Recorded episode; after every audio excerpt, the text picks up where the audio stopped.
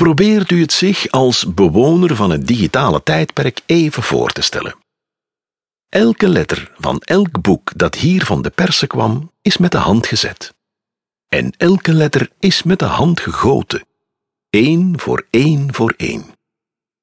U staat in de lettergieterij. Plantijns kleinzoon Balthazar I Moretus liet die inrichten. Maar veel heeft de kachel hier niet gebrand. Meestal besteedde de uitgeverij het lettergieten uit aan gespecialiseerde firma's. De stenen vloer verminderde de kans op een ernstige brand. Plantijns 16e eeuw is de tijd van nieuwe lettertypes in de jonge boekdrukkunst. Elk korps heeft zijn eigen naam, vaak die van de ontwerper. Denk aan de bekende Garamond. Vakman Claude Garamond is de bekendste lettersnijder van de 16e eeuw.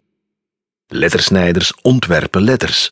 Het museum bezit acht originele sets met letterstempels van Garamonds hand.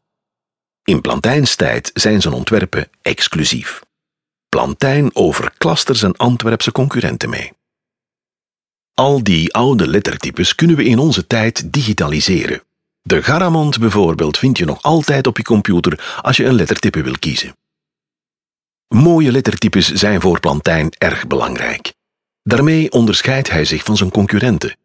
Plantijn werkt vaak met exclusieve Franse lettersets. Niet verwonderlijk voor een geboren Fransman.